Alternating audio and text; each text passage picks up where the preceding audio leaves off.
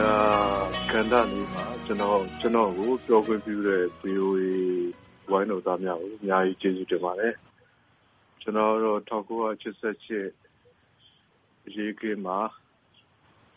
သေဒဏ်ကျခဲ့ဖူးတဲ့ ရဲဘော်တယောက်ပေါ့ဗျာ။ပြောရမယ်ဆိုရင်တော့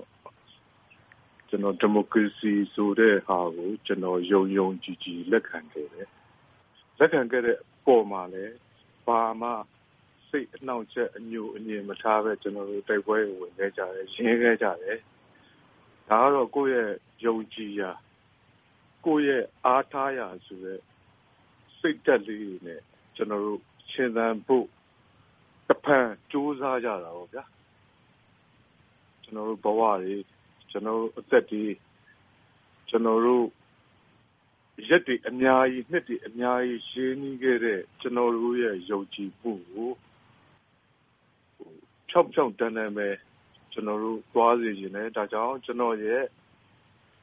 ယုံကြည်ရာဆိုတဲ့ အခန်းကဏ္ဍလေးမှာ ကျနော်ပြောချင်တာကတော့ စိတ်ဓာတ်ပိုင်းဆိုင်ရာ ဘယ်လောက်ပဲ အခက်အခဲဖြစ်ပါစေ၊ဘယ်လောက်ပဲ ဒုက္ခတွေဖြစ်ပါစေ ကျနော်တို့ ယုံကြည်ရာကို တက်လှမ်းကြမယ်ဆိုရင်တော့ ဒီ ဒုတိယအောင်ပွဲဆိုတဲ့ ကျနော်တို့ ဒီမိုကရေစီ ဆိုတဲ့ ကျနော်တို့နိုင်ငံရဲ့ လွတ်လပ်ရေး ဒုတိယအကြိမ်ကိုဆွတ်ခူးနိုင်ကြမှာ ဖြစ်ပါတယ်။ဒါကြောင့်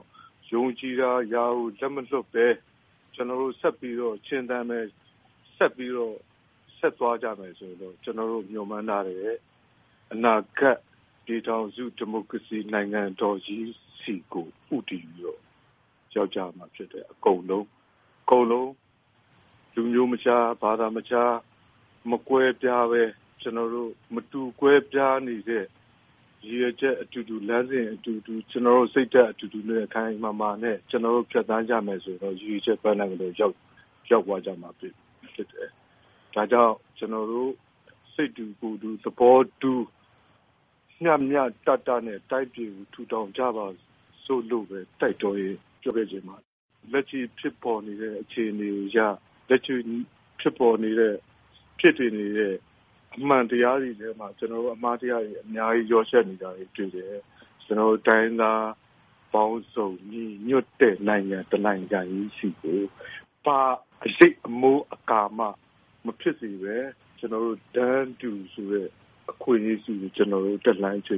ချင်တယ်။အခုဖြစ်နေတဲ့တိုက်ပွဲတွေ၊အခုဖြစ်နေတဲ့ပဋိပက္ခတွေကိုကျနော်တို့စိတ်စေတနာတွေတန့်တန့်နဲ့ ကျနော်တို့ အဖြူအမဲ မကွဲ၊ပါတီမစွဲ၊လူမျိုးမကွဲ ကျနော်တို့ အတူတူ လျှောက်လှမ်းကြမယ်ဆိုရင်တော့ ကျနော်တို့ရည်ရွယ်ချက်ပန်းတိုင်ကို ရောက်ကြမှာ ဖြစ်ပါတယ်။အားလုံး ကျေးဇူးတင်ပါတယ်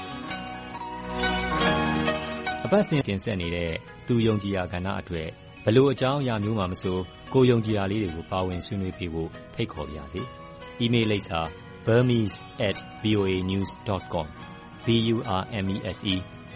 v o a n e w s com ကိုစာရေးပြီး ဆက်သွယ်ရမယ့် တယ်လီဖုန်းနံပါတ်ကို အကြောင်းကြားလိုက်ပါခင်ဗျာကျွန်တော် ပြန်ဆက်သွယ်ပါမယ်